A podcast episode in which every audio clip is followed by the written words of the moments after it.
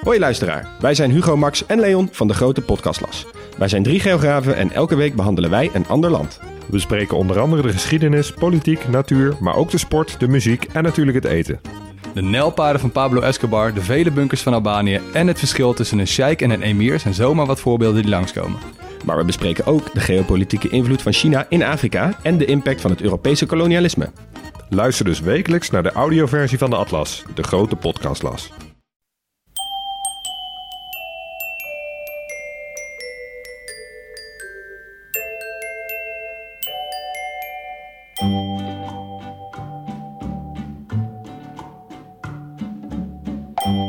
Welkom bij aflevering 284 van Echt Gebeurd. De podcast waarin waargebeurde verhalen worden verteld door de mensen die ze zelf hebben meegemaakt. In deze aflevering een verhaal dat Johan Petit in november 2015 bij ons vertelde tijdens een verhalenmiddag met als thema pubers.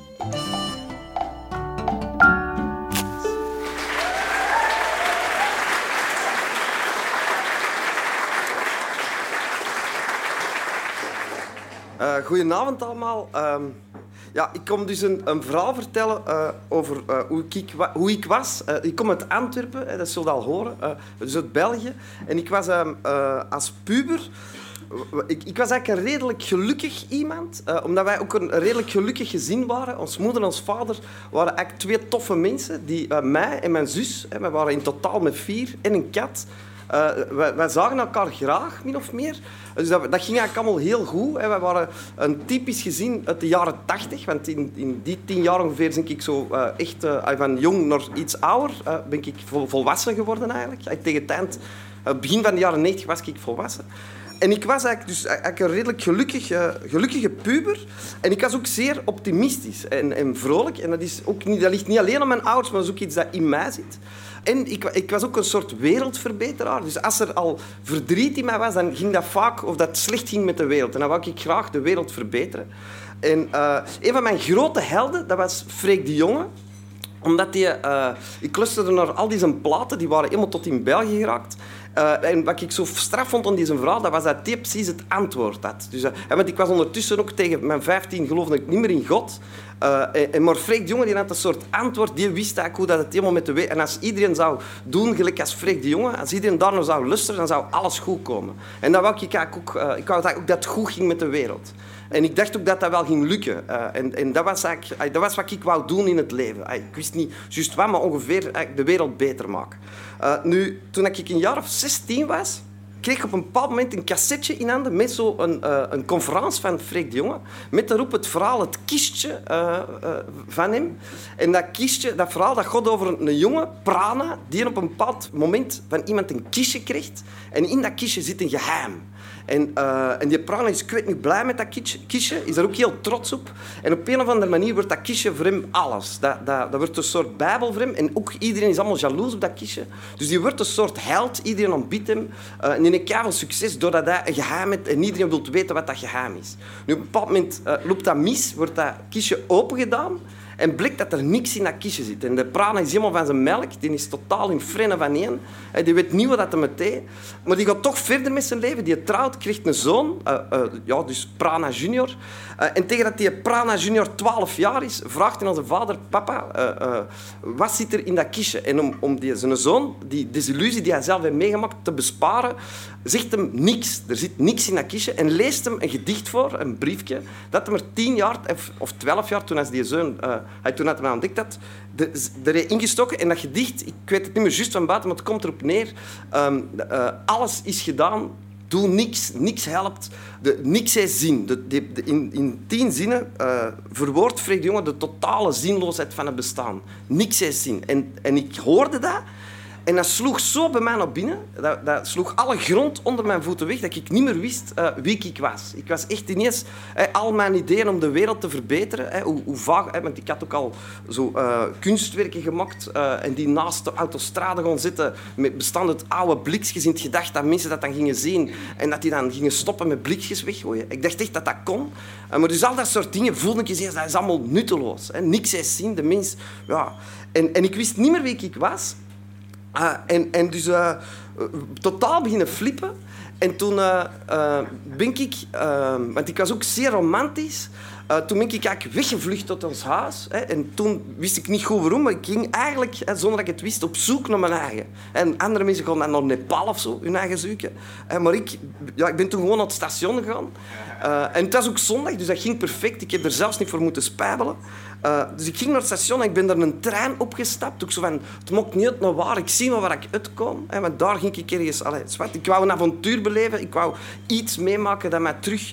Um, maar dat bleek dan een stoptrein uh, naar Brussel te zijn.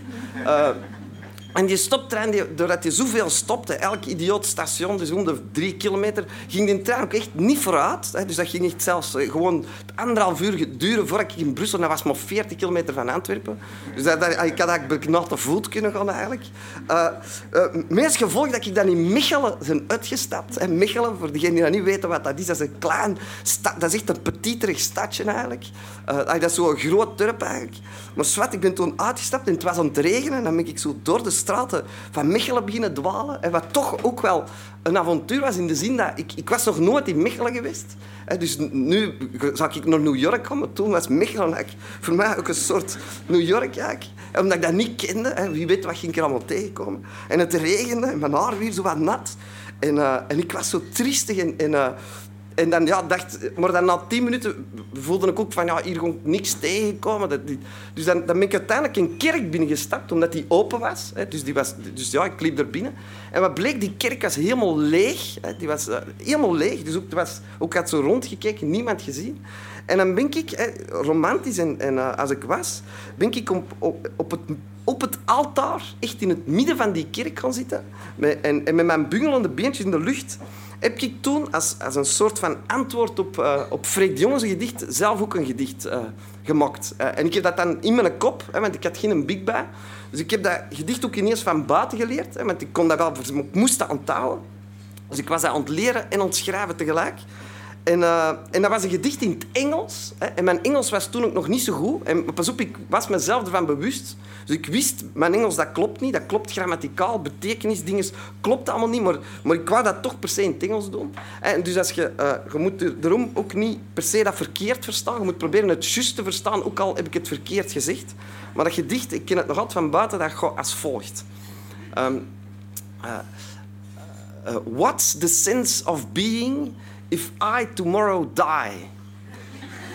Being sense is ugly, reason's just a lie. This song is only living as creature of my mind, unnecessary thinking, cause nothing will be found. I keep walking round in circles, I'll starve if I don't lie. I want to have a purpose if I tomorrow die.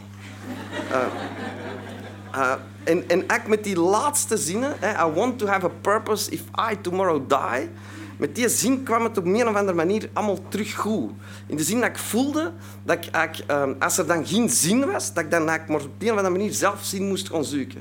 En, en ook al was het dan niet de echte zin, dat dat dan toch, dan kon ik voort. En, en met, met dat gedicht te maken, met uh, uit te drukken van wat, dat, wat ik, ja, de zinloosheid uit te drukken, heb ik die op zijn stert getrapt.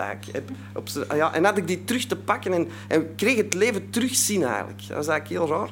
En dan ben ik van dat uh, altaar gesprongen en dan ben ik die kerk uitgewandeld en uh, ben ik terug naar huis gegaan. En, en ben ik eigenlijk verder gegaan met mijn leven en uiteindelijk ben ik hier geëindigd uh, om deze verhaal te vertellen.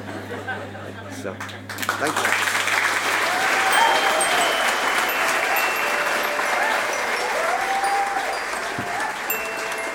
Dat was een verhaal van Johan Petit. In Nederland zou Johan cabaretier worden genoemd, maar in België wordt dat woord godzijdank niet gebruikt. Johan maakt solovoorstellingen op de grens tussen theater en comedy. Zijn nieuwe voorstelling, Nu het nog kan, gaat in september in première. Voordat alles anders werd, maakte hij samen met Wim Helzer de voorstelling Hoe te leven.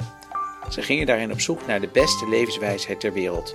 Ik had dus al kaartjes en zodra het kan, ga ik er zeker heen.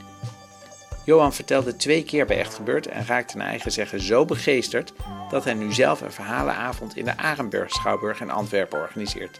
Onder de titel Waar gebeurt. En ook van Waar gebeurt bestaat de podcast, die je kunt vinden in je podcast-app. De redactie van Echt Gebeurd bestaat uit Paulien Cornelissen, Rosa van Toledo, Maarten Westerveen, En mijzelf, Micha Wertheim. Productie Eva Zwaving, zaaltechniek voor deze aflevering de onvolprezen Nicolaas Vrijman, podcast Gijsbert van der Wal. Dit was aflevering 284. Tot volgende week en onthoud, doe als Freek de jongen, dan komt alles vanzelf goed.